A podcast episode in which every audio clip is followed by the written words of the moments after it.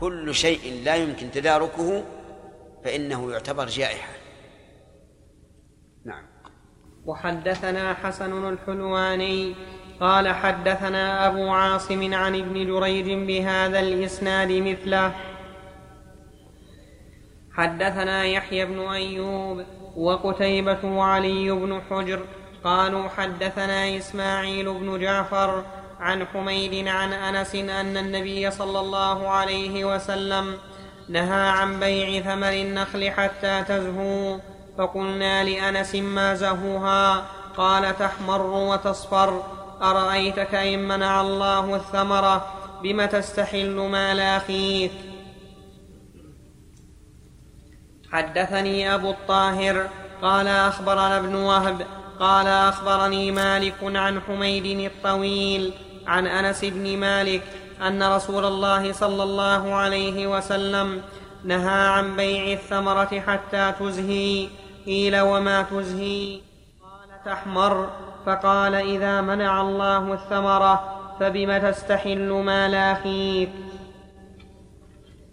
وحدثني محمد بن عباد قال حدثنا عبد العزيز بن محمد عن حميد عن أنس أن النبي صلى الله عليه وسلم قال إن لم يثمرها الله فبما يستحل أحدكم مال أخيه؟ حدثنا بشر بن الحكم وإبراهيم بن دينار وعبد الجبار بن العلاء واللفظ لبشر. قالوا حدثنا سفيان بن عيينة عن حميد الأعرج عن سليمان بن عتيق عن جابر أن النبي صلى الله عليه وسلم أمر بوضع الجوائح.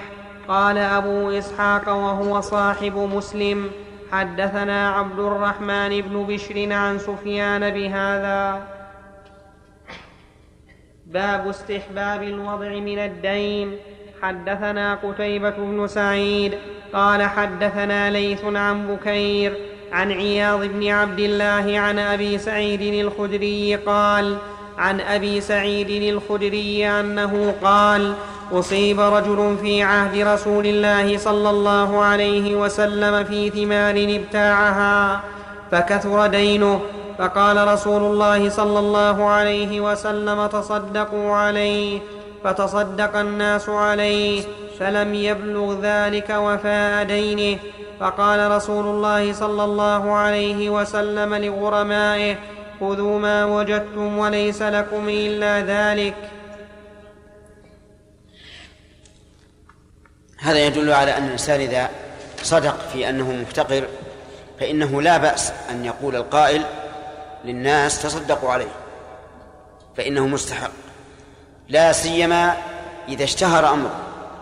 وعرف أنه فقير. ولا يقول الإنسان أنا لن أنا لن أسأل للناس لأني أخشى أنهم كذبا. نقول نحن نعم نقول هذا إذا غلب على ظنك صدقه أما إذا شككت فلا تقل الناس تصدقوا عليه. لأن من الناس من يسأل الأموال تكثرا والعياذ بالله فهذا جزاؤه أن ينهى عن هذا الشيء وأن يوقف. وقوله عليه الصلاة والسلام ليس لكم إلا إلا ذلك يعني ليس لكم المطالبة إلا إلا بهذا. وليس المعنى أن ما بقي من دينه يسقط عنه لأنه لا لا موجب لسقوطه بل يبقى في ذمته. نعم. حدثنا يونس بن عبد الأعلى قال أخبرنا عبد الله بن وهب قال أخبرني عمرو بن الحارث عن بكير بن الأشج بهذا الإسناد مثله وحدثني غير واحد من أصحابنا. قالوا حدثنا إسماعيل بن أبي أويس. قال حدثني أخي عن سليمان وهو ابن بلال عن يحيى بن سعيد عن أبي, عن أبي الرجال محمد بن عبد الرحمن أن أمه عمرة بنت عبد الرحمن قالت سمعت عائشة تقول سمع رسول الله صلى الله عليه وسلم صوت خصوم بالباب عالية أصواتهما وإذا أحدهما يستوضع الآخر ويسترفقه في شيء وهو يقول والله لا أفعل. فخرج رسول الله صلى الله عليه وسلم عليهما فقال أين المتألي على الله لا يفعل المعروف؟ قال أنا يا رسول الله فله أي ذلك أحب؟ الله أكبر. في هذا دليل على أن الإنسان إذا سمع الخصوم بين الناس ينبغي أن يخرج ويستوضح الأمر من أجل الإصلاح بينهم وأن لا يبقى متفرجا. هذا إذا لم يخف على نفسه فإن خاف على نفسه بأن اشتد الخصام وخشي أن تدخل أن يضربوه مثلا أو ما أشبه ذلك فلا يتدخل لا يكلف الله نفسا إلا وسعها. وفي أيضا أن الرسول عليه الصلاة والسلام انتقد هذا الرجل لأنه قال أين المتألي على الله؟ لا يفعل المعروف. فكأن النبي صلى الله عليه وسلم لامه ولهذا قال له الرجل فله أي ذلك أحب. يعني إن شاء وضع وضعت عنه وإن شاء بقي الدين كما نعم. حدثنا حرملة بن يحيى قال أخبرنا عبد الله بن وهب قال أخبرني يونس عن ابن شهاب قال حدثني عبد الله بن كعب بن مالك أخبره عن أبيه أنه تقاضى ابن أبي حدرد دينا كان له عليه في عهد رسول الله صلى الله عليه وسلم في المسجد فارتفعت أصواتهما حتى سمعها رسول الله صلى الله عليه وسلم وهو في بيته. فخرج إليهما رسول الله صلى الله عليه وسلم حتى كشف سجف حجرته ونادى كعب بن مالك فقال يا كعب فقال لبيك يا رسول الله فأشار إليه بيده ان ضع الشطر من دينك. قال كعب قد فعلت يا رسول الله. قال رسول الله صلى الله عليه وسلم قم فاقضه. اللهم صل وسلم. في هذا دليل على أن طلب القضاء في المسجد لا بأس به وليس كالبيع والشراء ولا كالمساومة. وفي أيضا دليل على جواز قضاء الدين في المسجد. وفيه أن الإنسان قد يحصل له عند الخصوم الخصومة والغضب ما لا يرضاه لنفسه. فإن علو الأصوات في مسجد النبي صلى الله عليه وسلم أمر لا يرضاه أحد. لكن عند المنازعة والمخاصمة قد يفقد الإنسان السيطرة على عقله. فيأتي بما لا بما لا ينبغي أن يفعل. وفي هذا أيضا الحديث دليل على العمل بالإشارة. لأن النبي صلى الله عليه وسلم أشار إلى كعب إشارة أن يضع النصف لكن كيف تشير إذا أردت أن يضع صاحبك النصف ها؟ كيف؟ كذا؟ ها. لا يعني حقيقة. هل معناه كذا؟ يعني هكذا؟ نعم في تفصيل نعم. ها؟ في تفصيل كيف؟ أقول فيه تفصيل ما هو التفصيل؟ أن هذا يختلف باختلاف الأعراف وأحوال الناس طيب فصل لي أحوال الناس الآن دينا له على ابن أبي حدرد بمثل حديث ابن وهب قال مسلم وروى الليث بن سعد قال حدثني جعفر بن ربيعة عن عبد الرحمن بن هرمز عن عبد الله بن كعب بن مالك عن كعب بن مالك أنه كان له مال على عبد الله بن أبي حدرد الأسلمي فلقيه فلزمه فتكلما حتى ارتفعت أصواتهما فمر بهما رسول الله صلى الله عليه وسلم فقال يا كعب فأشار بيده كأنه يقول النصف فأخذ نصفا مما عليه وترك نصفا. في هذه الرواية ما يدل على أنه يجوز للغريم أن يلزم غريمه بمعنى أن يصاحبه حتى يوفي. فإن قال قائل أليس الله يقول إن كان ذو عسرة فنظرة إلى ميسرة؟ قلنا إن هذا ليس بمعسر لأن الرسول صلى الله عليه وسلم لما أطاعه كعب بوضع النصف قال قم فاقضه. وهذا يدل على أن الرجل كان يجد أن نوفي النصف. نعم. بسم الله. إيش؟ أما بعد فقد قال الإمام مسلم رحمه الله تعالى في صحيحه في كتاب في صحيحه كتاب المساقاة. في باب من أدرك ما باعه عند المشتري وقد أفلس فله الرجوع فيه. حدثنا أحمد بن عبد الله بن يونس قال حدثنا زهير بن حرب قال حدثنا يحيى بن سعيد قال أخبرني أبو بكر بن محمد بن عمرو بن حزم أن عمر بن عبد العزيز أخبره أن أبا بكر بن عبد الرحمن بن الحارث بن هشام أخبره أنه سمع أبا هريرة يقول قال رسول الله صلى الله عليه وسلم أو سمعت رسول الله صلى الله عليه وسلم يقول من أدرك ماله بعينه عند رجل قد أفلس أو إنسان قد أفلس فهو أحق به من غيره. بسم الله الرحمن الرحيم. هذا في بيان الرجل إذا أفلس وحجر عليه. فإنه يقسم ماله بين الغرماء بالقسط فإذا قدرنا أن ما أن الدين عليه عشرة آلاف وأن الموجود عنده خمسة آلاف فإنه يعطى كل غريم نصف أو نصف حقه. لأن نسبة الخمسة إلى العشرة النصف. فالذي له درهم يعطى نصف درهم. والذي له ألف درهم يعطى خمسمائة درهم وهكذا. لكن إذا كان في هذا المال عين رجل عين مال رجل قد باعه ولم يتغير فإنه أحق به من غيره.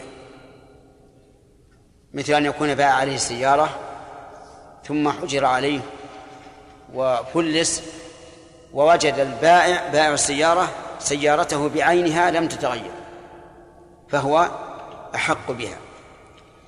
و وقوله عليه الصلاة والسلام أحق بها من أحق به من غيره لا يعني أنه يأخذه ولو زادت قيمته على الدين بل إن الماء بل المعنى أن الغرماء لا يشاركونه فيه ما دام قد بقي له حق.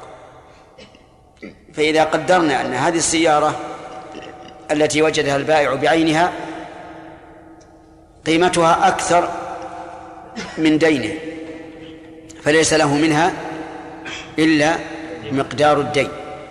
لأننا لو قلنا خذها بزيادتها كان في ذلك ظلم للمفلس وظلم للغرماء.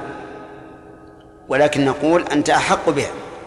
تباع السيارة وتأخذ نصيبك من الدين والباقي يرد في المال ليوزع بين الغرماء أما إذا تغيرت فإن فإنه كسائر الغرماء بمعنى أن تضم هذه السيارة إلى بقية المال وتوزع على الغرماء بالقسط. وكذلك صاحب الرهن هو أحق برهنه. يعني لو فرض أن أحد الغرماء كان قد رهن شيئا من مال المفلس ثم حجر عليه. فإن صاحب الرهن يقدم برهنه ويعطى دينه كاملا. فإن زاد شيء من الرهن رد في بقية المال. وإن لم يزد وكان بقدر دينه فهو له. يعني وإلا يعني له إن شاء أو يباع ويأخذ ثمن وإن نقص أدلى ببقية دينه مع الغرماء. نعم. حدثنا يحيى بن يحيى. وقد عرفتم أنه آه، لا يمكن الحجر إلا إذا كان إيش؟ إذا كان الدين أكثر من ماله. لأن لأن المفلس إما أن لا يكون له مال بالكلية أو له مال بقدر دينه أو أكثر أو له مال أقل من دينه. فالأول لا يطلب ولا يطالب ويجب إنظاره. والثاني لا يحجر عليه الثاني الذي الذي ماله أقل من دينه يحجر عليه. والثالث الذي ماله بقدر دينه أو أكثر لا يحجر عليه ولكن يرغم على الوفاء ويؤدب حتى يوفي. نعم. حدثنا يحيى بن يحيى قال أخبرنا هشيم حا وحدثنا قتيبة بن سعيد ومحمد بن رمح جميعا عن الليث بن سعد حا وحدثنا أبو الربيع ويحيى بن حبيب الحارثي قال حدثنا حماد يعني ابن زيد حا وحدثنا أبو بكر بن أبي شيبة قال حدثنا سفيان بن عيينة حا وحدثنا محمد بن المثنى قال حدثنا عبد الوهاب ويحيى بن سعيد وحفص بن غياث. كل هؤلاء عن يحيى بن سعيد في هذا الإسناد بمعنى حديث زهير. وقال ابن رمح من بينهم في روايته وقال ابن رمح من بينهم في روايته أيما امرئ فلس. حدثنا ابن أبي عمر قال حدثنا هشام بن سليمان وهو ابن عكرمة بن خالد المخزومي عن ابن جريج قال حدثني ابن أبي حسين أن أبا بكر بن محمد بن عمرو بن حزم أخبره أن عمر بن عبد العزيز حدثه عن حديث أبي بكر بن عبد الرحمن عن حديث أبي هريرة عن النبي صلى الله عليه وسلم في الرجل الذي يعدم إذا وجد عنده المتاع ولم يفرق أنه لصاحبه الذي باع. حدثنا يحمل قوله أنه لصاحبه على ما سبق يعني أنه أحق به.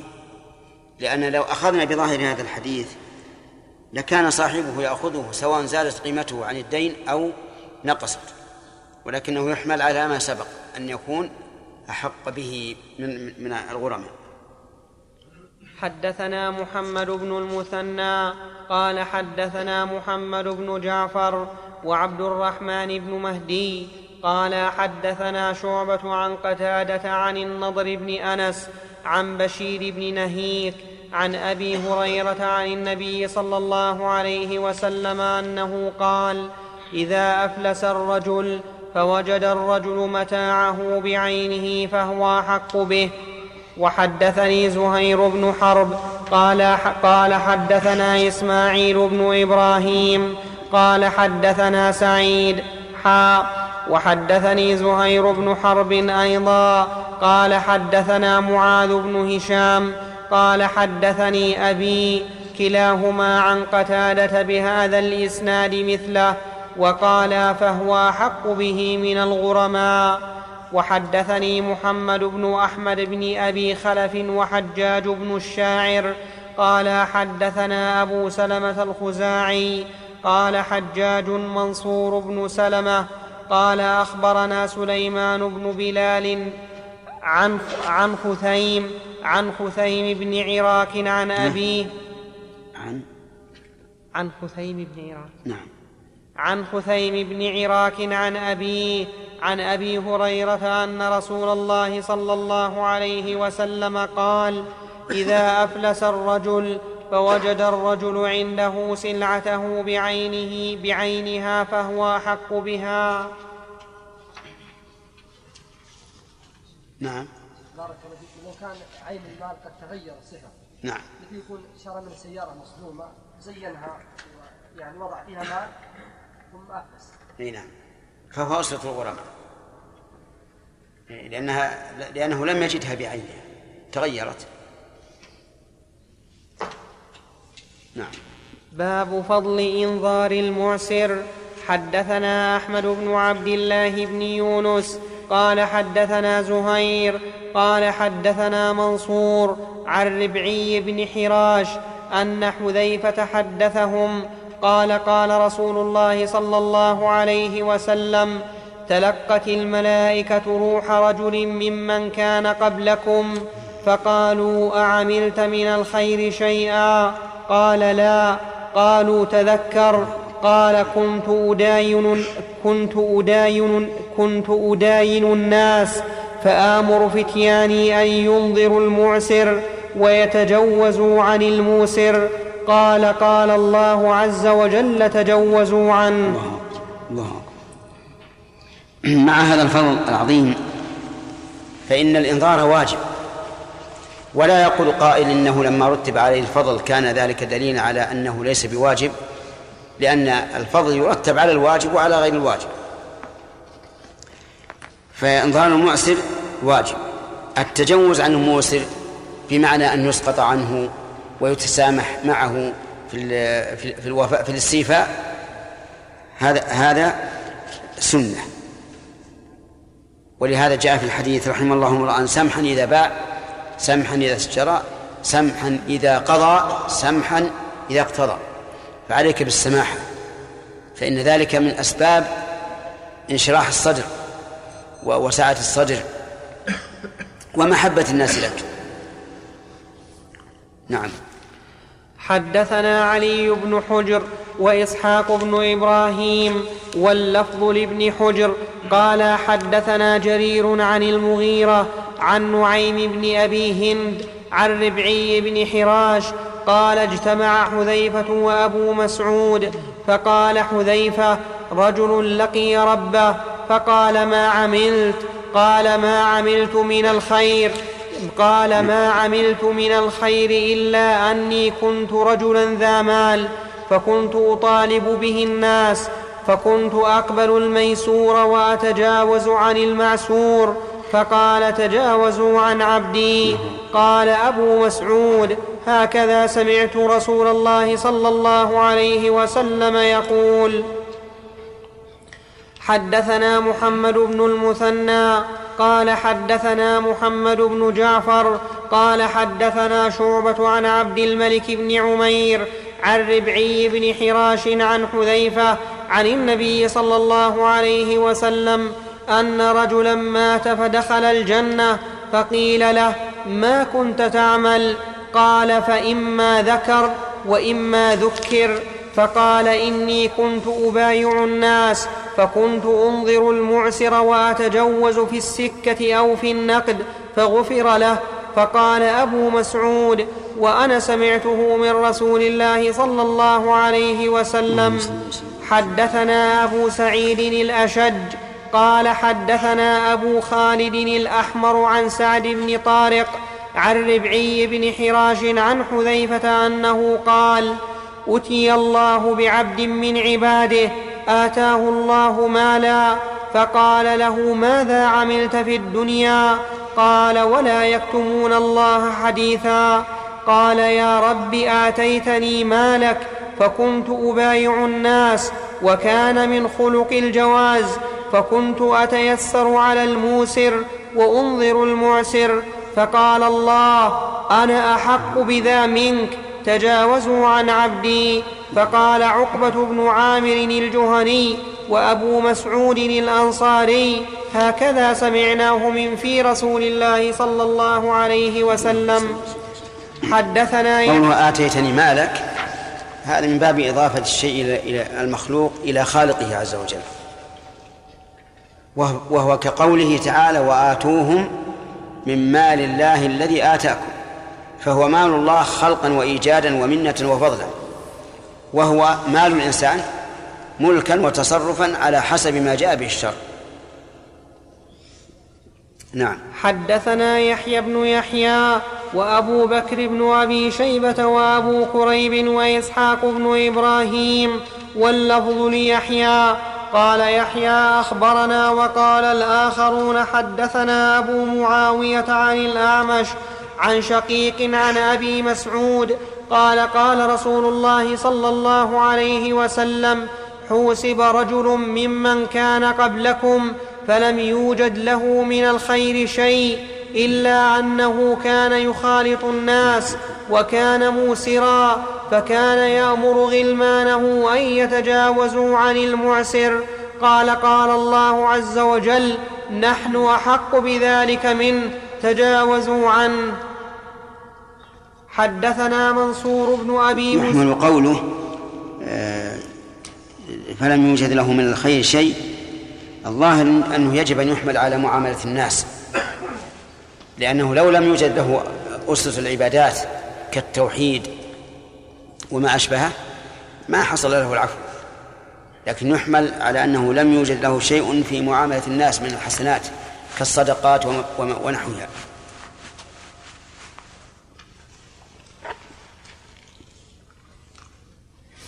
حدثنا حدثنا منصور بن أبي مزاحم ومحمد بن جعفر بن زياد قال منصور حدثنا إبراهيم بن سعد عن الزهري وقال ابن جعفر أخبرنا إبراهيم وهو ابن سعد عن ابن شهاب عن عبيد الله بن عبد الله بن عتبة عن أبي هريرة أن رسول الله صلى الله عليه وسلم قال كان رجل يداين الناس فكان يقول لفتاه إذا أتيت معسرا فتجاوز عنه لعل الله يتجاوز عنا فلقي الله فتجاوز عنه حدثني في هذا بيان أن هذا الرجل كان مخلصا لله عز وجل في تجاوزه عن الناس.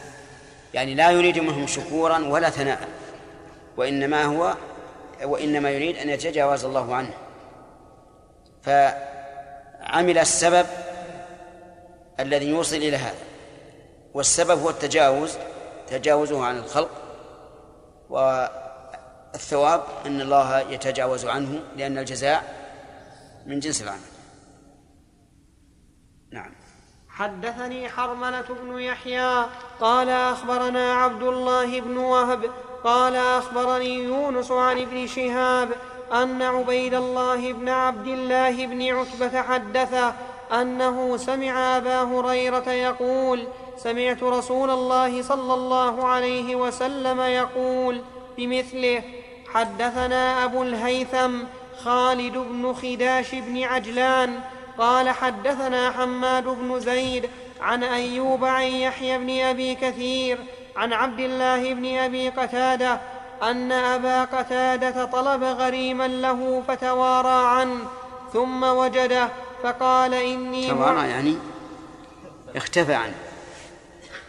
نعم. ثم وجده فقال إني معسر فقال آه الله قال الله قال فإني سمعت رسول الله صلى الله عليه وسلم يقول من سره أن ينجيه الله من كرب يوم القيامة فلينفس عن معسر أو يضع عنه وحدثنيه أبو الطاهر قال أخبرنا ابن وهب قال أخبرني جرير بن حازم عن أيوب بهذا الإسناد نحوه. قوله فلينفس عن معسر أو يضع عنها أو هذه التنويع وليست للشك فالتنفيس عنه أن لا يطالبه ولكن يبقى حقه كاملا. والوضع عنه أن يضع عنه. و وهذا له ثلاث حالات. وضع بلا تنفيس وتنفيس بلا وضع وتنفيس ووضع. وهذا هو الأكمل نعم. شيخ هل يمكن يؤخذ من الحديث ما يذكر العلماء من قاعدة كل وصف كان كذا في المخلوق فالله به كيف؟ لا ما نستطيع لأنه لا قياس في الثواب. لكنه يرجع أن كل شيء يعمله الإنسان من الإحسان فالله تعالى أحق به. لكنه لا يمكن أن نجزم بهذا لأن مسألة الثواب لا لا لا, لا قياس فيها. نعم. باب تحريم مطل الغني وصحة الحوالة. واستحباب قبولها واستحباب قبولها إذا أحيل على ملي. حدثنا يحيى بن يحيى قال قرأت على مالك عن أبي الزناد عن الآرج عن أبي هريرة رضي الله عنه أن رسول الله صلى الله عليه وسلم قال مطل الغني ظلم وإذا أتبع أحدكم على مليء فليتبع. نعم مطل الغني ظلم. حكم النبي صلى الله عليه وسلم على تأخير الوفاء بأنه ظلم بهذين الشرطين. المماطلة والثاني الغنى. فالمماطلة معناه أن صاحب الحق يطلبه ولكن ذلك المطلوب يدافع يدافعه ائتني غدا ائتني بعد غد وما أشبه ذلك. هذا مطلوب. ومن ذلك إذا كان الدين مؤجلا إلى أجل معين فإن حلول الأجل يعني المطالبة يعني المطالبة به. فإذا أخره عن أجله كان مماطلا إلا أن يسترضي صاحب الحق. وعلى هذا فالمماطلة لها صورتان. الصورة الأولى أن يطلب صاحب الحق حق ولكن يدافعه. والثاني أن يؤجل الحق إلى أجل معين فيحل الأجل. فإذا أخره عن أجله صار مماطلا يجب عليه أن يسترضي صاحب الحق لأن تأجيل صاحب الحق الحق إلى أجل معين يعني بذلك إيش؟ أنه يريده إذا حل الأجل. الشرط الثاني الغني والغني هو القادر على الوفاء. وأما إذا لم يكن غنيا فإن أصل طلبه حرام. وله أن يماطل فيقول إذا أيسر الله علي أوفيتك. وأما الغني فلا يحل له. ولو أن الناس مشوا على هذا لاستقامت أحوالهم. لكن يوجد والعياذ بالله بعض الناس الآن يكون غنيا والحق حال أو لم يؤجل أصلا ثم يماطل. يماطل صاحب الحق. وهذا لا شك أنه مما يؤثر على اقتصاد الناس. لأن التاجر إذا باع على عشرين نفر عشرين نفرا وماطلوا كلهم سوف ينقص من رأس ماله بقدر ما داين به هؤلاء وتنشل الحركة ويحصل الضرر. فلذلك كان مطل الغني ظلما ليس على من مطله فقط بل حتى على جميع الناس. آه ثم قال وإذا أتبع أحدكم على ملي فليتبع. إذا أتبع يعني طلب منه أن يتبع الغني وهذا هو الحوالة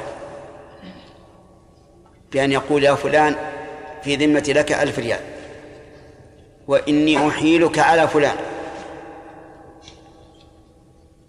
فإذا كان فلان مليئا فإن المشروع في حق المحال أن أن يوافق. واختلف العلماء رحمهم الله في هذه المسألة هل يجب أن يوافق ويتبع أو لا يجب؟ فالمشهور عند الحنابلة أنه يجب أن يتبع وجمهور العلماء على أنه لا يجب لأن صاحب الحق له أن يستوفي الحق ممن عليه الحق نفسه أو من أحا ممن أحاله عليه. ولا ولا يمكن أن نلزمه بشيء قد يكون عليه ضرر فيه. وقول الجمهور أقرب إلى الصواب أن الاتباع سنة وليس بواجب. وقوله عليه الصلاة والسلام على مليء الملي هو القادر أولا هو الذي ثبت عليه الحق واستقر عليه الحق. فلو أحاله على شخص عليه دين لم يثبت بعد فإنه لا يجب على المحال أن يتحول. ولا بد أن يكون قادرا على الوفاء بعد ثبوت الحق عليه. قادرا على الوفاء بماله بأن يكون عنده مال. فإن أحيل على فقير هل يلزمه الاتباع أو لا يلزم؟ لا يلزم لأن هذا ضرر عليه. ولا بد أن يكون قادرا على الوفاء ببدنه. وذلك بأن يمكن إحضاره لمجلس الحكم لو لم يوفي فإن لم يمكن فإنه لا يلزم التحول إليه. كيف كيف هذا؟ أحيانا لا يمكن إحضار الغريم لمجلس الحكم لقرابته أو سلطانه أو ما أشبه ذلك. فإذا أحيل مثل على وزير من الوزراء الوزير غني عنده أموال عظيمة. لكنه لا يمكن إحضاره لمجلس الحكم لو لم لو أبى أن يوفي فلا يلزمه أن يتحول. لو أحيل على أبيه يلزمه أن يتحول؟ ما لماذا؟ ما يستطيع لأنه لا يمكن إحضاره لمجلس الحكم إذ أن مطالبة الوالد لا تجوز. لكن هنا يأتي دور دور البر. يأتي دور البر. لو قال لا أقبل الحوالة على أبي. ماذا يعده الناس؟ ربما يعده الناس عاقا لأن أكثر الناس لا يفهم العلة. فيتحدث الناس انظروا إلى فلان يحال على أبيه ويأبى أن يتحول. قد نقول إذا نظرنا إليها من هذه الناحية وأنه هضم لحق أبيه فهنا نقول يجب أن يتحول كما لو حول على أجنبي فإن وفق الله الأب للوفاء فهذا المطلوب وإلا فللأب أن يتملك من مال ولده. ربما إذا إذا أبى أن يتحول على أبيه فإن أباه يخادعه. إذا استوفى الدين من, آخر إيش يعمل؟ يتملك إذا استوفاه من آخر يتملك. وله أن يتملك من مال ولده كل شيء. لو يتملك كل المال إلا ما يحتاجه الإنسان الولد أو تتعلق به حاجته. هذه المسألة تحتاج إلى نظر. أعني فيما إذا كان يترتب على عدم تحوله شيء من قطيعة الرحم أو عقوق الوالدين. أما إذا أبى أن يتحول لأنه أحيل على سلطان لا يستطيع أن يأخذ حقه منه فله ذلك. قلنا بماله والثاني بدنه. الثالث أن يكون مليا بقوله يعني صادقا في قوله. إذا وعد وفى. فأما إذا أحيل على رجل مكار غني ويمكن إحضار المجلس الحكم لكنه مكار لا يصدق بقوله. فهذا ليس مليا.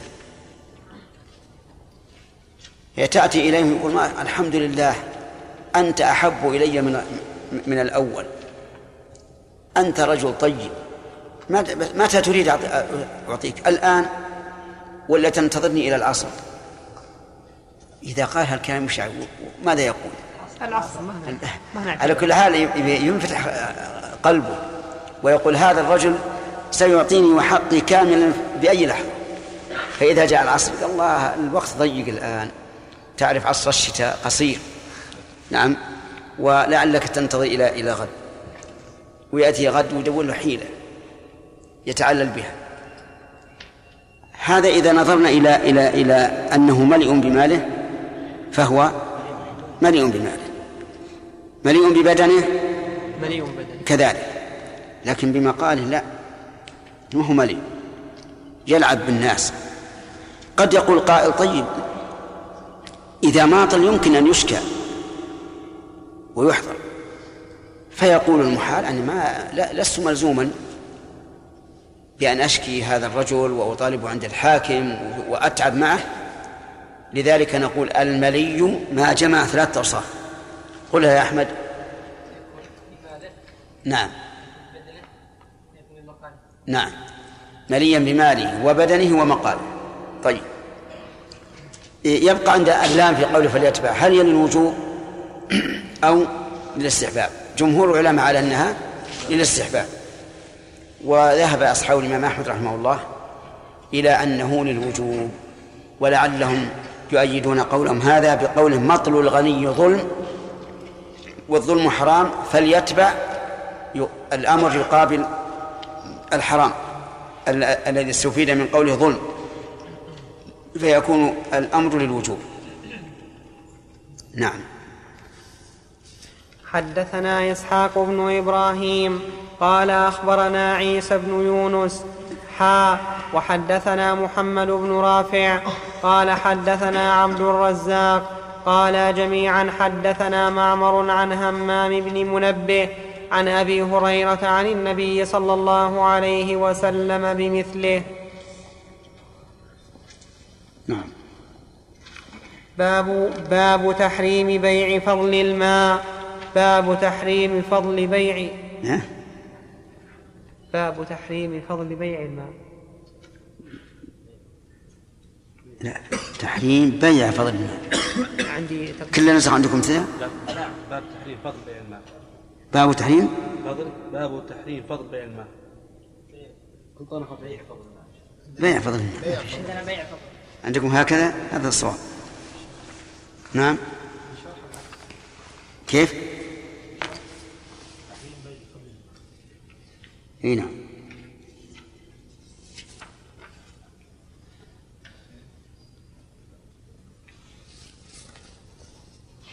تقديم وتأخير. نعم.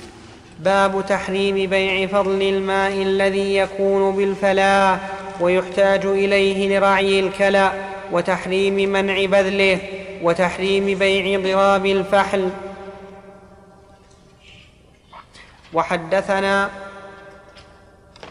ماشي. يقول وحدثنا يا شيخ. إي. واو. إي نعم. أصلا اللي بوب هذا مو هو مو هو مسلم ليس مسلم. إي لكن أحسن لك ال- الواو في أول الحديث إي نعم. لأن هذا مو باب عند مسلم. أي. مسلم يسرد ال- السند ويمشي. وحدثنا أبو بكر بن أبي شيبة قال أخبرنا وكيع. حا وحدثني محمد بن حاتم قال حدثنا يحيى بن سعيد جميعا عن ابن جريج عن أبي الزبير عن جابر بن عبد الله قال نهى رسول الله صلى الله عليه وسلم عن بيع فضل الماء. نعم. قول عن بيع فضل الماء. هذا فيما إذا كان الماء في نقع, نقع البئر أو مجتمع الماء من, من الأمطار والسيول وهو يسمى الغدير. فمن أخذ حاجته منه حرم عليه أن يبيع الباقي. لأن الماء من- عند الله عز وجل فهو كالحطب والحشيش وما أشبه ذلك. وأما الماء وأما الماء الذي ملكه صاحبه في خزانات أو أحواض هو الذي است- استنبط الماء من الأرض ووضعه في هذه الخزانات فهو ملكه. له أن يبيعه. سواء كان يبيع ما تتعلق به حاجته أو يبيع شيئا فاضلا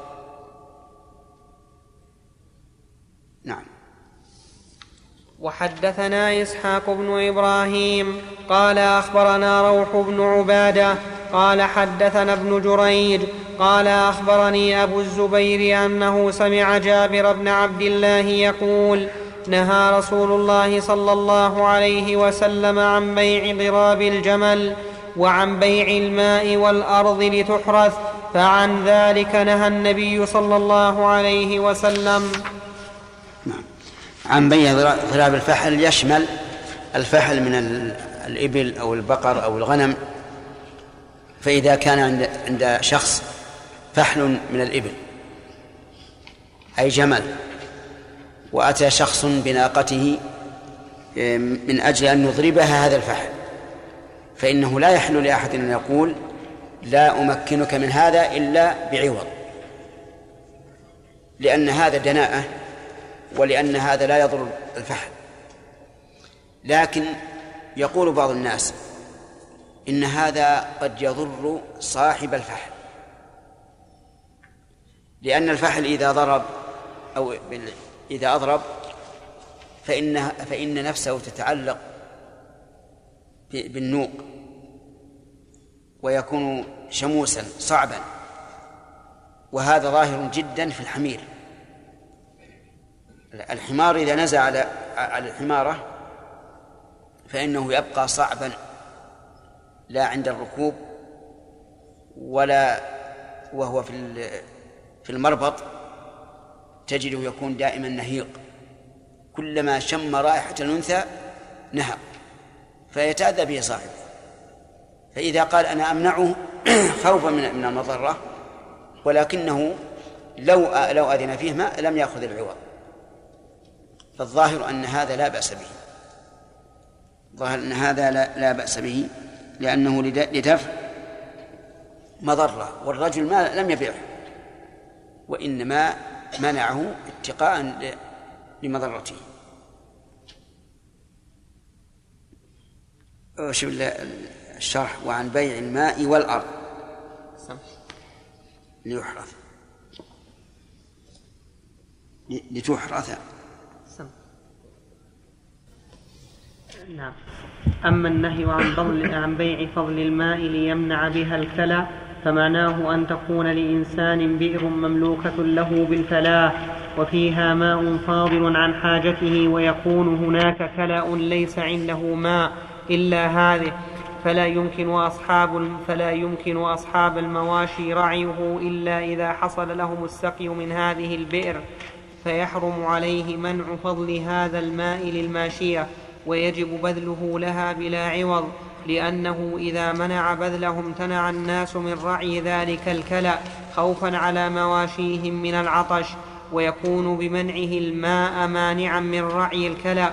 وأما, وأما الرواية الأولى نهى عن بيع فضل الماء فهي محمولة على هذه الثانية التي فيها ليمنع به الكلأ ويحتمل أنه في غيره. ويكون نهي تنزيه. قال أصحابنا يجب بذل فضل الماء بالفلاة كما ذكرناه بشروط. أحدها ألا يكون ماء آخر يستغنى به والثاني أن يكون البذل لحاجة الماشية لا لسقي الزرع والثالث أن لا يكون مالكه محتاجا إليه. واعلم أن المذهب الصحيح أن من تبع أن من تبع في ملكه أن من تبع. نبع من نبع لعله من نبع واعلم أن المذهب الصحيح أن من نبع في ملكه ماء صار مملوكا له وقال بعض أصحابنا لا يملكه. أما إذا أخذ الماء في إناء من الماء المباح فإنه يملكه. هذا هو الصواب. وقد نقل بعضهم الإجماع عليه وقال بعض أصحابنا لا يملكه بل يكون أخص به وهذا غلط ظاهر وأما قوله لا ما يباح في شك إنه غلط لأن الرجل حازه ووضعه في في أوعيته فبيعه حينئذ لا بأس به. اللهم إلا إذا اضطر أحد إلى شربه فهذا يكون واجب لدفع الضرورة يكون واجبا لدفع الضرورة. نعم. بعد بعد الأذان. بعد الأذان. الله أكبر.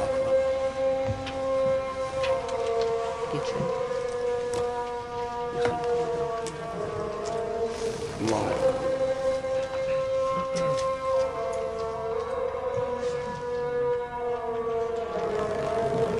الله أكبر.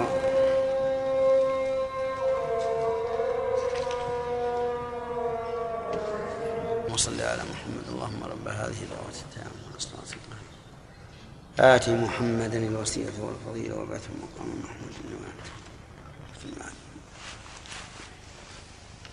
نعم كمل. واعلم أن ال... وقد وقال بعض أصحابنا لا يملكه بل يكون أخص به وهذا غلط ظاهر. وأما قوله لا يباع فضل الماء ليباع به الكلى فمعناه أنه إذا كان فضل ماء ليباع به الكلام ولا ليمنع؟ ليباع ثم الحديث لي- ليمنع به. نعم. هو ليمنع لا شك إنه لي- ليمنع. نعم. إيش؟ كيف؟ الثاني 35 نعم. في اول الصفحة. إيه، الأخير اللفظ الأخير ما وصلنا. نعم. فمعناه أنه إذا كان فضل ماء بالفلاة كما ذكرنا وهناك كلأ لا يمكن رعيه إلا إذا تمكنوا من سقي الماشية من هذا الماء فيجب عليه بذل هذا الماء للماشية بلا عوض ويحرم عليه بيعه لأنه إذا باعه كا لأنه إذا باع كأنه باع الكلأ المباح للناس كلهم. الذي ليس مملوكا لهذا البائع وسبب ذلك أن أصحاب الماشية لم يبذلوا الثمن في الماء المجرد إرادة الماء بل ليتوصل وسبب ذلك. وسبب ذلك. وسبب ذلك أن أصحاب الماشية لم يبذلوا الثمن في الماء في الماء لمجرد إرادة الماء بل ليتوصلوا به إلى رعي الكلى فمقصودهم تحصيل الكلى. فصار فصار فصار ببيع الماء كأنه باع الكلى. والله أعلم. قال أهل اللغة الكلأ مهموز مقصور وهو النبات سواء كان رطبا أو يابسا. وأما الحشيش والهشيم فهو مختص باليابس. وأما الخلي فمقصور غير م... الخلا وأما الخلا ف... ف... وأما الخلا فمقصور غير مهموز. والعشب مختص بالرطب بالرطب بالرطب ويقال له أيضا الرطب بضم الراء الرطب بضم الراء وإسكان الطاء. قوله نهى عن بيع الأرض لتحرث معناه نهى عن إجارتها للزرع وقد سبقت المسألة واضحة في باب كراء الأرض وذكرنا أن الجمهور يجوزون إجارة إجارتها بالدراهم والثياب ونحوها ويتأولون النهي تأويلين أحدهما أنه نهي تنزيه ليعتادوا إعارتها وإرفاق بعضهم بعضا والثاني أنه محمول على إجارتها على أن يكون لمالكها قطعة معينة من الزرع. وحمله القائلون بمنع المزارعة على إجارتها بجزء مما يخرج منها. والله أعلم. نعم. صار قوله وعن بيع الماء والأرض لتحرث بناء على أنه في أول الأمر كان النبي صلى الله عليه وسلم ينهاهم عن إجارة الأرض وبيع الأرض هنا بمعنى الإجارة. ثم بعد ذلك رخص لهم. في إجارتها وفي المزارعة بسهم مشاع.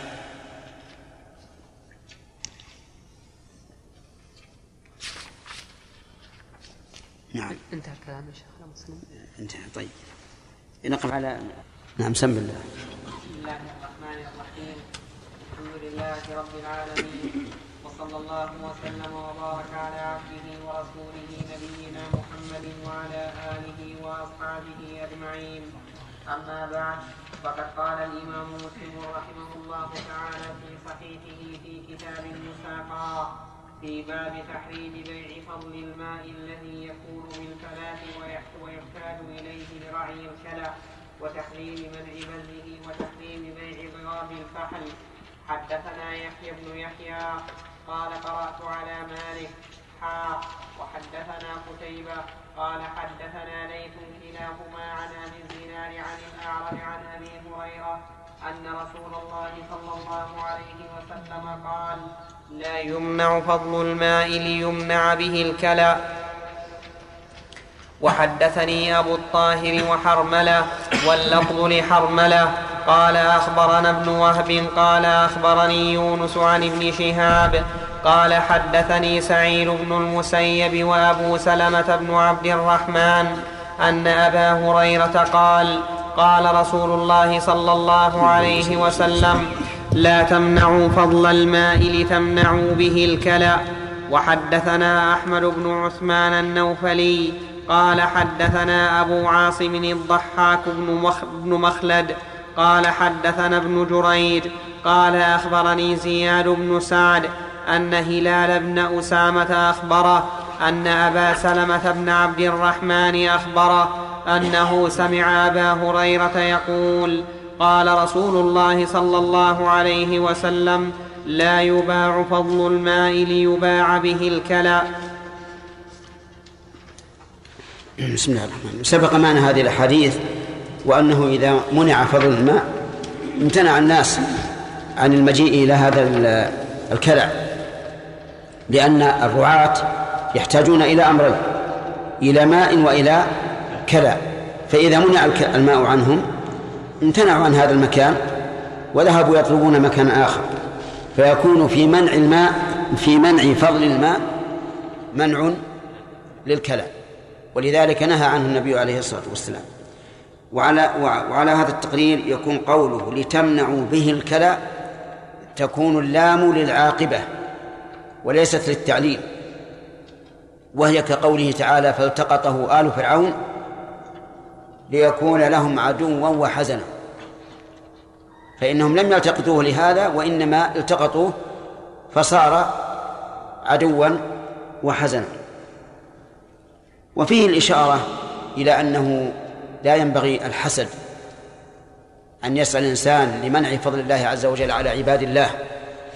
فإن الحسد من أعظم الأدواء وهو من أخلاق اليهود. نعم. باب تحريم ثمن الكلب وحلوان الكاهن ومهر البغي والنهي عن بيع السنور. حدثنا يحيى بن يحيى قال قرأت على مالك عن ابن شهاب عن أبي بكر بن عبد الرحمن عن أبي مسعود الأنصاري أن رسول الله صلى الله عليه وسلم نهى عن ثمن الكلب ومهر البغي وحلوان الكاهن. هذا عن ثمن الكلب. ثمن الكلب مطلق. يعم الكلاب التي يباح اقتناؤها والتي لا يباح. ومن خصه بما لا يباح اقتناؤه فقد أبعد. والحديث الذي فيه إلا كلب صيد ضعيف فالصواب عدم الاستثناء وأن بيع الكلاب حرام ولكن إذا احتاج الإنسان إلى كلب صيد وليس عنده شيء وعند آخر كلب صيد قد استغنى عنه وأبى أن يعطيه إياه إلا بعوض فلا حرج عليه أن يبذل عوضا ويكون الإثم على المانع على الذي امتنع أن يعطيه إياه فهو كالذي يبذل المال لاستنقاذ حقه من من منعه. وهكذا جميع ما نقول بتحريم بيعه وما أو تأجيره إذا امتنع من هو بيده إلا ببيع أو أجرة فإنه لا إثم على على باذل الأجرة أو الثمن إذا احتاج إليه. ولهذا قال العلماء رحمهم الله وأخص بذلك فقهاء الحنابلة يحرم تأجير بيوت مكة. يعني من عنده بيت في مكة حرم عليه أن يؤجره. واستدلوا بأدلة ليس هذا موضع ذكرها. قالوا فإن لم يجد إلا بأجرة دفعها والإثم على صاحب البيت. لأن له الحق أن يسكن فإذا منع من هذا الحق ولم يصل إلى حقه إلا ببذل شيء فالإثم على المانع. ومثل ذلك أيضا لو استحق الإنسان شيئا في بيت المال ولم ولم يحصل من من الموظفين إلا ببذل شيء لهم فلا حرج ببذل شيء لهم ويكون الإثم على على أحد يعني الإنسان يريد أن يصل إلى حقه. الثاني يقول نهى أيضا عن مهر البغي. البغي هي الزانية والعياذ بالله التي تؤجر فرجها نعوذ بالله. لكنها تأخذ على هذا أجرا. ولهذا سماه النبي صلى الله عليه وسلم مهرا وهو ليس بمهر حقيقة لكن يشبه المهر في كونه عوضا عن الاستمتاع بها. الثالث حلوان الكاهن. حلوان الكاهن ما يعطاه الكاهن على كهانته من عوض لأن الكهان يتكهنون للناس لكن يأخذون منهم العوض. فنهى النبي صلى الله عليه وسلم عن ذلك لأنه أخذ نعم لأنه بذل فيما يحرم. فإن تصديق الكاهن كفر بما أنزل الله على محمد صلى الله عليه وسلم. فإن قال قائل لو أن أحدا باع اشترى اشترى الكلب من صاحبه ثم قال لن أعطيك لن أعطيك لأن النبي صلى الله عليه وسلم نهى عن ثمن الكلب ولا أعينك على الإثم. فماذا يكون؟ هل نقول خذ ولا تعطي هذا عوضا؟ أو نلزمه بالعوض الذي تعهد به؟ أو نرد الكلب إلى صاحبه؟ أسلم هذه الاحتمالات أن إيش؟ الثالث. أسلمها الثالث أن يرد الكلب إلى صاحبه. كذلك أيضا مهر البغي. لو أن الرجل والعياذ بالله استأجر امرأة في الزنا وزنى بها ثم قال لا أعطيك شيئا لأن النبي صلى الله عليه وسلم نهى عن مهر البغي. عن مهر البغي. صار الآن متدين وقبل ذا أن يفعل فاجرا. فاجرا. فهذا أيضا لا نمكنه من أن يأخذ يجمع له بين العوض والمعوض. لكننا أيضا لا نعطي البغي.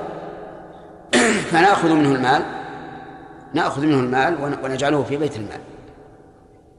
نلزمه بذلك. ومثل أيضا الرشوة للحاكم أو لغيره من ممن له سلطة.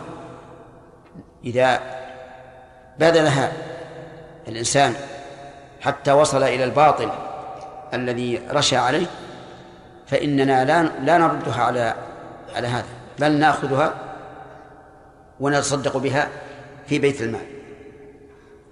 وكذلك حلوان الكاهن بعد أن استأجر الكاهن وتكهن له فإننا ثم قال لا أعطيك الأجرة لأن الرسول صلى الله عليه وسلم نهى عن حلوان الكاهن فإننا نأخذها منه أي ممن تكهن له ولا نعطيها الكاهن بل نجعلها في في بيت المال.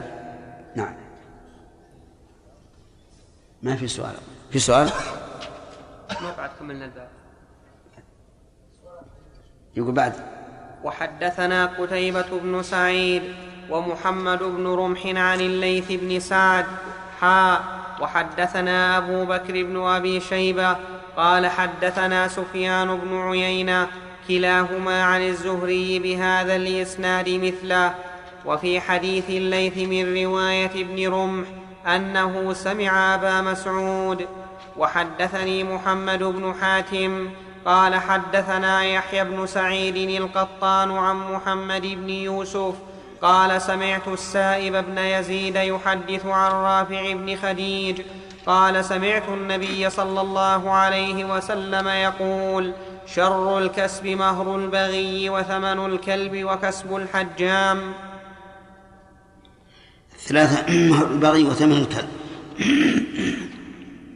وكسب الحجام. الحجام هو الذي يحجم الناس. والحجامة معروفة. وقد وصف النبي صلى الله عليه وسلم بأن كسبه خبيث. ووصف هنا بأنه شر الكسب. لكن لا يعني ذلك أنه حرام. لأن النبي صلى الله عليه وسلم احتجم وأعطى الحجام أجره. قال ابن عباس رضي الله عنهما ولو كان حراما لم يعطه أجر إذن فالشر بالنسبة لما هو خير. والشر يكون بالنسبة لما هو خير كما في قوله عليه الصلاة والسلام خير صفوف الرجال أولها وشرها آخرها. وخير صفوف النساء آخرها وشرها أولها وهو ليس فيها شر لكن شر بالنسبة للخيرية. فهنا شر المكاسب بالنسبة لما هو خير منه وهو الكسب بالبيع والشراء المباح. وإنما كان من شر الكسب قيل لأن الحجام يباشر النجاسة. يباشر النجاسة. إيش النجاسة؟ دم. الدم وهذا مبني على القول بنجاسة دم الآدمي. وقيل إنه آه، يأتي على سبيل آه، الدواء ومعونة المريض. وهذا ومثل هذا تقتضي المروءة أن لا يأخذ شيئا. فإذا أخذ شيئا صار هذا مخالفا للمروءة. ولكن يكفينا أن نقول إنه ينبغي للحجام أن لا يأخذ شيئا. لأن النبي صلى الله عليه وسلم وصف كسبه بأنه خبيث. فإذا قال أتحرمونه علي؟ قلنا قلنا لا. نعم. حدثنا إسحاق بن إبراهيم قال أخبرنا الوليد بن مسلم عن الأوزاعي عن يحيى بن أبي كثير قال حدثني إبراهيم بن قارض عن السائب بن يزيد قال عن السائب بن يزيد قال حدثني رافع بن خديج عن رسول الله صلى الله عليه وسلم أنه قال ثمن الكلب خبيث ومهر البغي خبيث وكسب الحجام خبيث. حد نعم. حدثنا إسحاق بن إبراهيم قال أخبرنا عبد الرزاق قال أخبرنا طيب الآن عندنا ثلاث ثلاث أشياء. ثمن الكلب خبيث أي حرام. وهنا الخبث بمعنى الحرام. مهر البغي خبيث أي حرام. كسب الحجام خبيث. ولولا حديث ابن عباس الثابت في الصحيح لقلنا إنه حرام. لكن حديث ابن عباس صريح في أنه ليس بحرام فيكون الخبث هنا بمعنى الردي كقوله تعالى ولا تيمموا الخبيث منه تنفقون. حدثنا إسحاق بن إبراهيم قال أخبرنا عبد الرزاق قال أخبرنا معمر عن يحيى بن أبي كثير بهذا الإسناد مثله وحدثنا إسحاق بن إبراهيم قال أخبرنا النضر بن شميل قال حدثنا هشام عن يحيى بن أبي كثير قال حدثني إبراهيم بن عبد الله عن السائب بن يزيد قال حدثنا رافع بن خديج عن رسول الله صلى الله عليه وسلم بمثله حدثني سلمة بن شبيب قال حدثنا الحسن بن أعين قال حدثنا معقل عن أبي الزبير قال سألت جابرا عن ثمن الكلب والسنور فقال زجر النبي صلى الله عليه وسلم عن ذلك. الكلب سبق أنه نهى عنه في عدة أحاديث والسنور في هذا الحديث أنه نهى عن عن ثمن السنور والسنور يبين لنا علي علي محمد ها؟ البس. البس نعم البس والهر والقط. وأسماؤه كثيرة لأنه مما يكون بين الناس كثيرا وكلما كثر تردده بين الناس أو كثر إرهابه للناس فإنه يكون له أسماء كثيرة. فالأسد له أكثر من سبعين اسم والسنور له حول ذلك. السنور هو البس وتسميه العامة البس بكسر الباء. نهى زجر النبي عليه الصلاة والسلام عن ذلك عن ثمنه. وذلك لأنه السنور كثير منبث في الأرض فيشبه الماء فلا ينبغي أن يتخذ منه تجارة.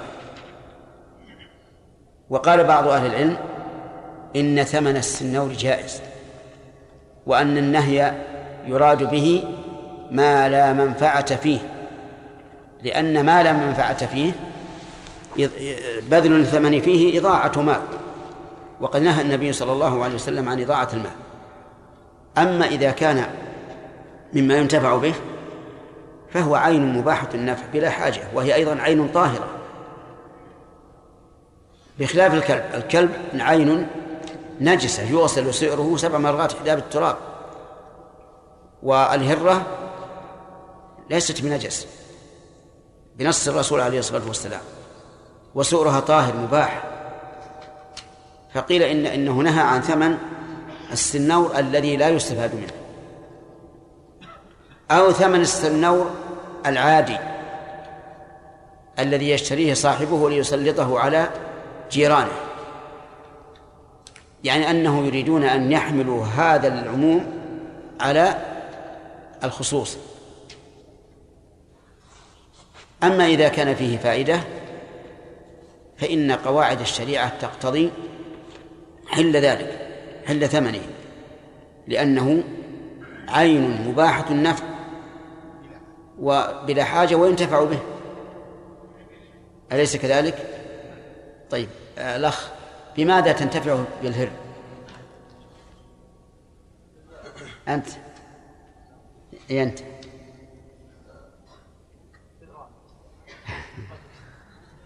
بالفئران يعني ها نعم أنه يقتل الفئران ويقتل كل الخشاش ويحمل الإنسان في نومه. الإنسان إذا يعني إذا كانت الهرة قد ربيت تماما تحرس الإنسان فيما إذا نام.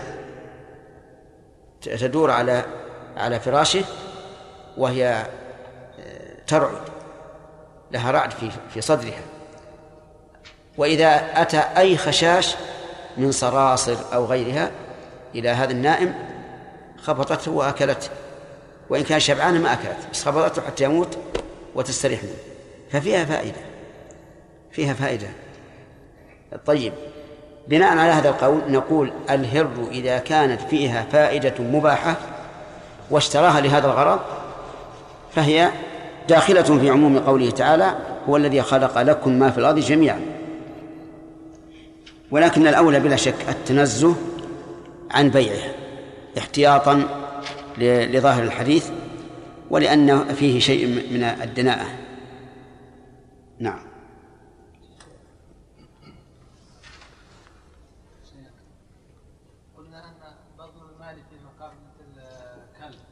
إيش؟ في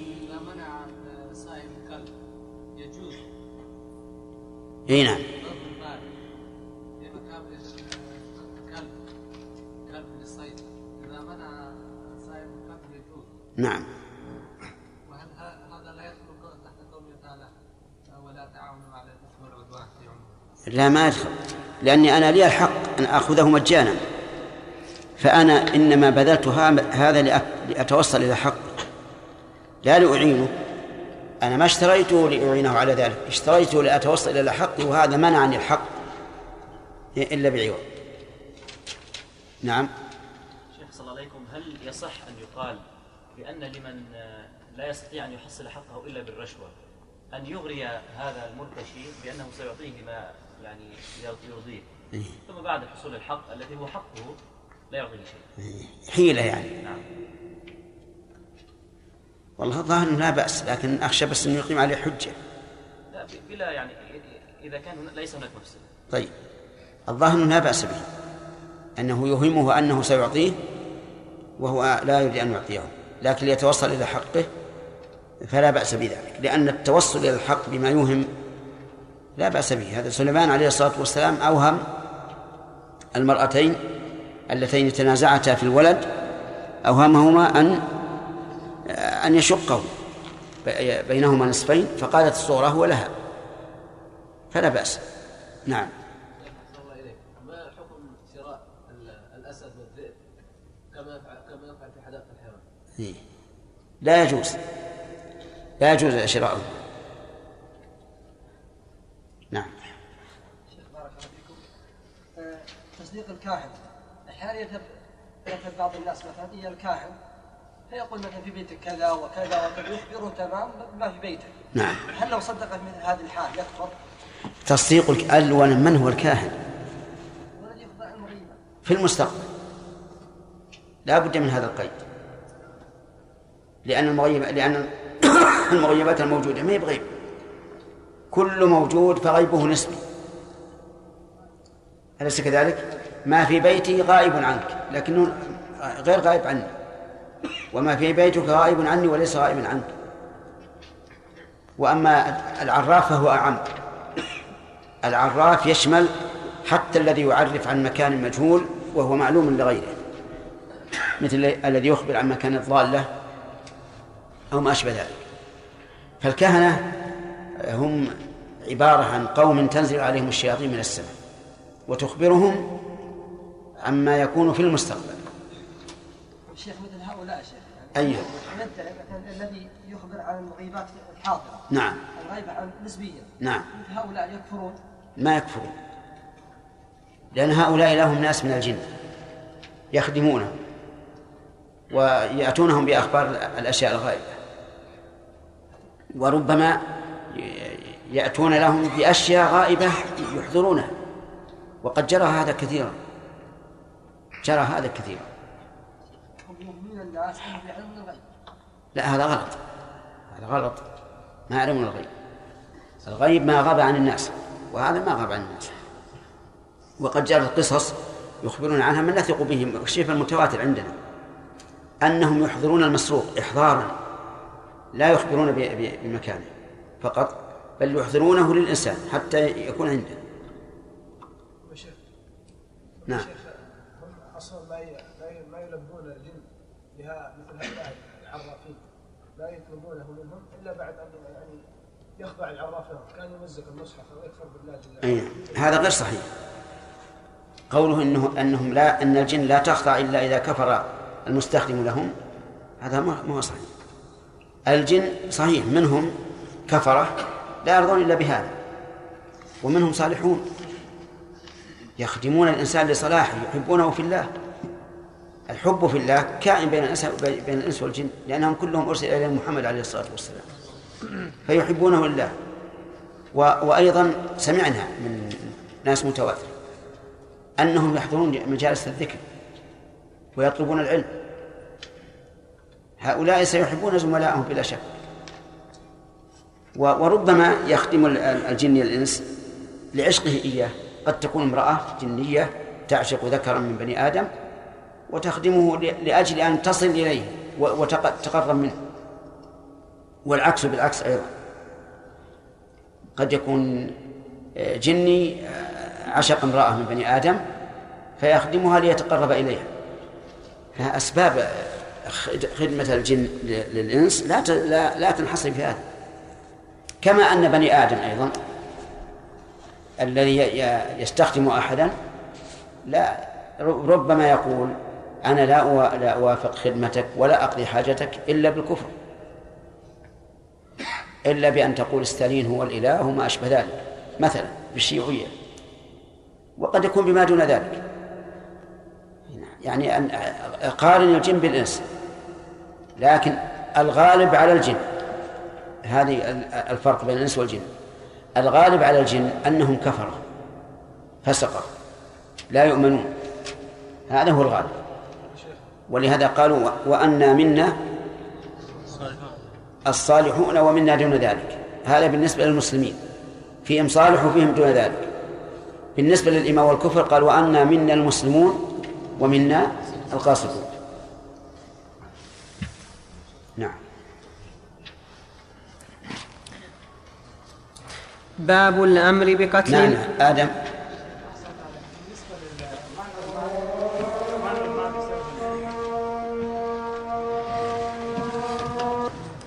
اللهم رب هذه الدعوة التامة والصلاة القائمة آت محمد وصلته وبثه مقاما محمودا الذي وعدته إنك لا تخلف.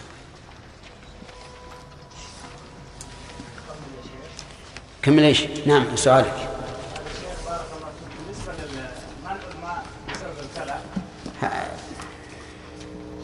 موافقتنا إياك على الإتمام هل له أصل في الشرع؟ موافقتنا إياك على الإتمام هل له أصل في الشرع؟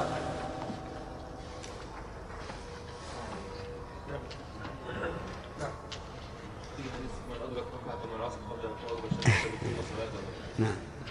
من أدرك ركعة من العصر قبل أن تغرب الشمس فقد أدرك العصر طيب يلا بالنسبة لمنع الماء منع الماء بسبب الكلام نعم في بعض المناطق يعني فيه اصحاب قرى أو اصحاب قريه نعم وهم لا لهم مواشي بعض- بعض المواشي ولا يستطيعون الترحل من منطقه لاخرى هم دائما يعني في منطقتهم وقريتهم. وينزلون إليهم أحيانا يعني أصحاب المواشي الكثيرة ويفنون ما عندهم من الخشب ثم ينتقلون لمنطقه أخرى هل لهؤلاء يعني يمنعوا بدفع ضرر العمل؟ هؤلاء يمنعوا أصلا لا يمنع المنهي عنهم منع؟ فضل الماء فضل الماء ها؟ ها يحفرون هم. إيه. هذه أرى أن أنها ترجع إلى نظام البلد. لأن أخشى أن يكون فيه فتنة. إيه. و- وإذا لم يكن فيه فكره يعني هل- في منعهم شيء؟ يعود؟ إن كانوا ملكوا الأرض أحيوها وملكوها فلهم ذلك أن يمنعوهم. وإلا فلا. نعم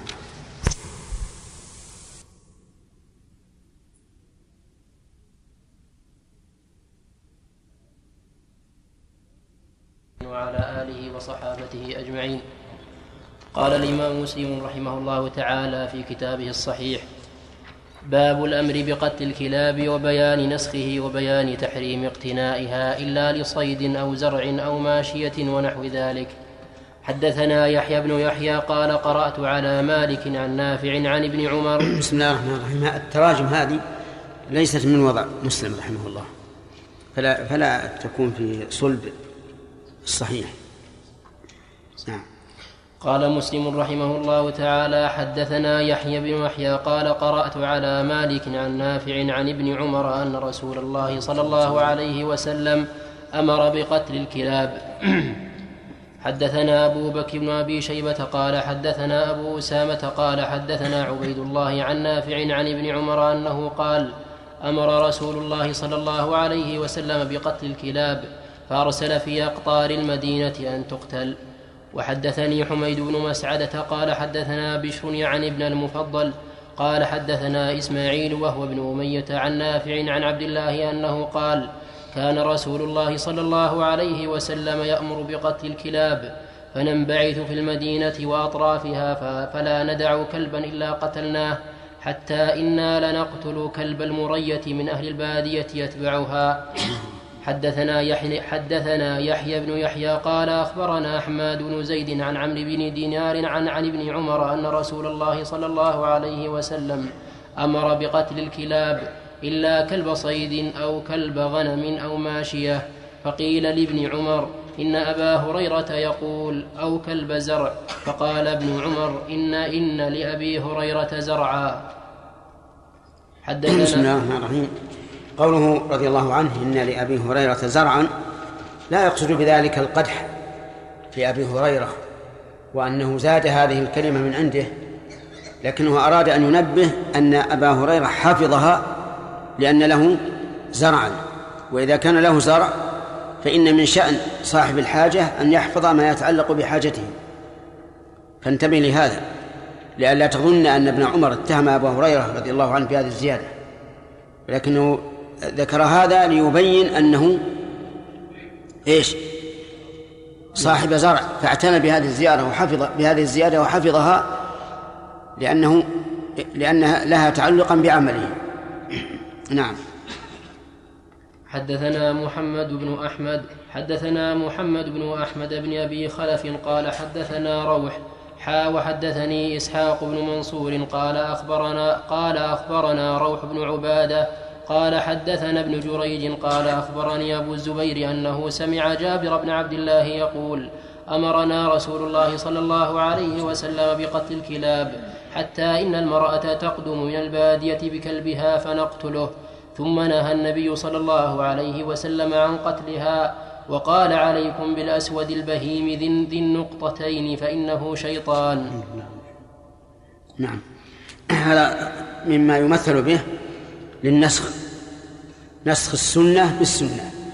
فإنه عليه الصلاة والسلام أمر أولا بقتل الكلاب ثم نهى عن ذلك. وأمر بل وحث على قتل الأسود البهيم. للطوفيتين. الطوفيتين هما نقطتان فوق عينيه. وليس بشرط فإن الأسود البهيم الذي ليس فيه بياض مثله يعني أنه يجب قتله لحث النبي صلى الله عليه وسلم على ذلك. وعلل بأنه شيطان. فهل نقول إنه شيطان أي شيطان جن تلبس بصورة كلب بصورة كلب أو نقول إنه شيطان أي من شياطين الكلاب. وأشدها ضررا. كما يقال شيطان الإنس شيطان الجن وما أشبه ذلك. يحتمل هذا وهذا لكن الظاهر أنه يريد أنه شيطان أي في بني جنسه أي شيطان باعتبار أنه ذو أذى كثير واعتداء كثير.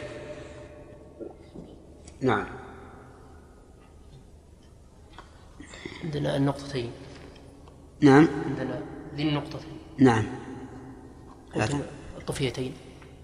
لا عندي ذي النقطتين. أنا أخطأت. لا ليش أسئلة ما ما انتهى الباب. حدثنا عبيد الله حدثنا عبيد الله بن معاذ قال حدثنا أبي قال حدثنا شعبة عن أبي التياح أنه سمع مطرف بن عبد الله عن ابن المغفل أنه قال أمر رسول الله صلى الله عليه وسلم بقتل الكلاب. ثم قال ما بالهم وبال الكلاب؟ ثم رخص في كلب الصيد وكلب الغنم. وحدثنيه يحيى بن حبيب قال حدثنا خالد يعني ابن الحارث. حا وحدثني محمد بن حاتم قال حدثنا يحيى بن سعيد. حا وحدثني محمد بن الوليد قال حدثنا محمد بن جعفر. حا وحدثنا إسحاق بن إبراهيم قال أخبرنا النضر. حا وحدثنا محمد بن المثنى قال حدثنا وهب بن جرير كلهم عن شعبة بهذا الإسناد. وقال ابن وقال وقال ابن حاتم في حديثه عن يحيى وقال ابن حاتم في حديثه عن يحيى ورخص في كلب, في كلب الغنم والصيد والزرع. حدثنا يحيى بن يحيى قال قرأت على مالك عن نافع عن ابن عمر أنه قال قال رسول الله صلى الله عليه وسلم من اقتنى كلبا إلا كلب ماشية أو ضاري نقص من عمله كل يوم قيراطان. وحدثنا أبو بكر بن أبي شيبة وزهير بن حرب وابن نمير قالوا حدثنا سفيان عن الزهري عن سالم عن أبيه عن النبي صلى الله عليه وسلم أنه قال من اقتنى كلبا إلا كلب صيد أو ماشية نقص من أجره كل يوم قيراطان. حدثنا يحيى بن يحيى ويحيى بن أيوب وقتيبة وابن حجر قال يحيى بن يحيى أخبرنا وقال الآخرون حدثنا إسماعيل وهو ابن جعفر عن عبد الله بن دينار أنه سمع ابن عمر قال قال رسول الله صلى الله عليه وسلم من اقتنى كلبا إلا كلب ضارية أو ماشية نقص من عمله كل يوم قيراطان. حدثنا يحيى بن يحيى ويحيى بن أيوب وقتيبة وابن حجر. قال يحيى أخبرنا وقال الآخرون وقال الآخرون حدثنا إسماعيل عن محمد وهو ابن أبي حرملة عن سالم بن عبد الله عن أبيه أن رسول الله صلى الله عليه وسلم قال من اقتنى كلبا إلا كلب ماشية أو كلب صيد نقص من عمله كل يوم قيراط. قال عبد الله وقال أبو هريرة أو كلب حرث. حدثنا إسحاق بن إبراهيم قال أخبرنا وكيع قال حد حدثنا إسحاق بن إبراهيم قال أخبرنا وكيع قال حدثنا حنظلة بن أبي سفيان عن سالم عن أبيه عن رسول الله صلى الله عليه وسلم قال أنه قال من اقتنى كلبا إلا كلب إلا كلب ضار أو ماشية نقص من عمله كل يوم قيراطان. قال سالم وكان أبو هريرة يقول أو كلب حرث وكان صاحب حرث.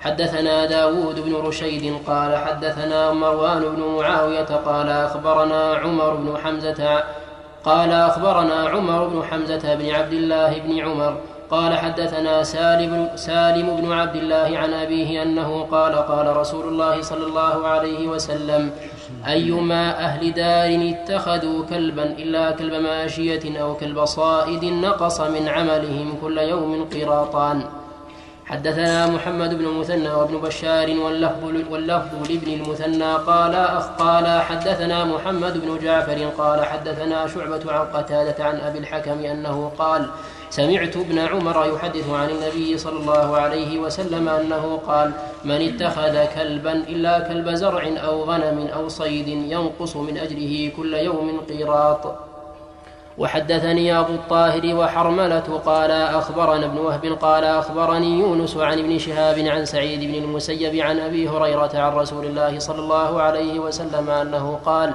من اقتنى كلبا ليس بكلب صيد ولا ماشية ولا أرض فإنه ينقص من أجره قيراطان كل يوم وليس في حديث أبي الطاهر ولا أرض. حدثنا عبد بن حميد قال حدثنا عبد الرزاق قال أخبرنا معمر عن الزهري عن أبي سلمة عن أبي هريرة أنه قال قال رسول الله صلى الله عليه وسلم من اتخذ كلبا إلا كلب ماشية أو صيد أو زرع انتقص من أجره كل يوم قيراط. قال الزهري فذكر لابن عمر قول أبي هريرة فقال يرحم الله أبا هريرة كان صاحب زرع. حدثني زهير بن حرب قال حدثنا إسماعيل بن إبراهيم قال حدثنا هشام الدستوائي قال هذا أيضا لا تظن أنه قوله يرحم الله أبا هريرة إشارة إلى أنه آه، زاد أو قاس مثلا. لكن يرحم الله أبا هريرة لحفظه هذه الزيادة عن النبي صلى الله عليه وعلى آله وسلم وذلك لأنه صاحب حرث يعتني بما يتعلق بحرثه. نعم.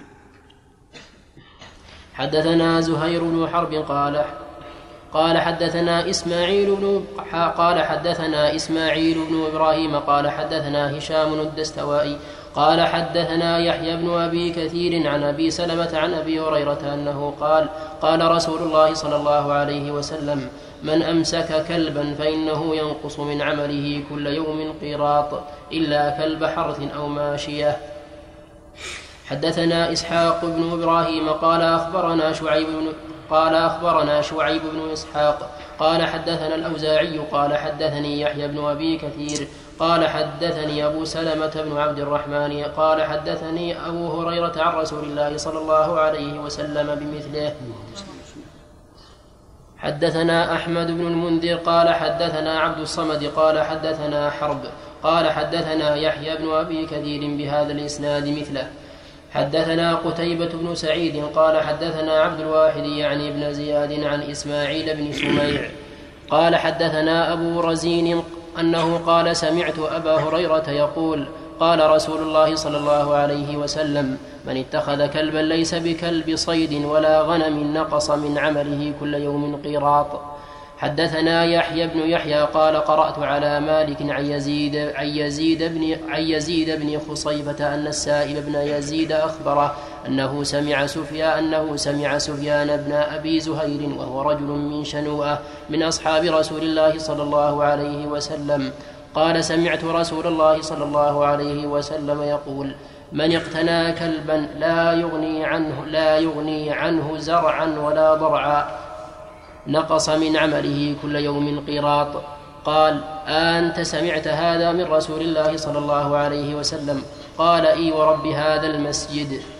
حدثنا يحيى بن أيوب وقتيبة وابن حجر. قالوا حدثنا إسماعيل عن يزيد بن خصيفة. قال أخبرني السائب قال أخبرني السائب بن يزيد أنه وفد أنه وفد عليهم سفيان بن أبي زهير الشنئي فقال قال رسول الله صلى الله عليه وسلم بمثله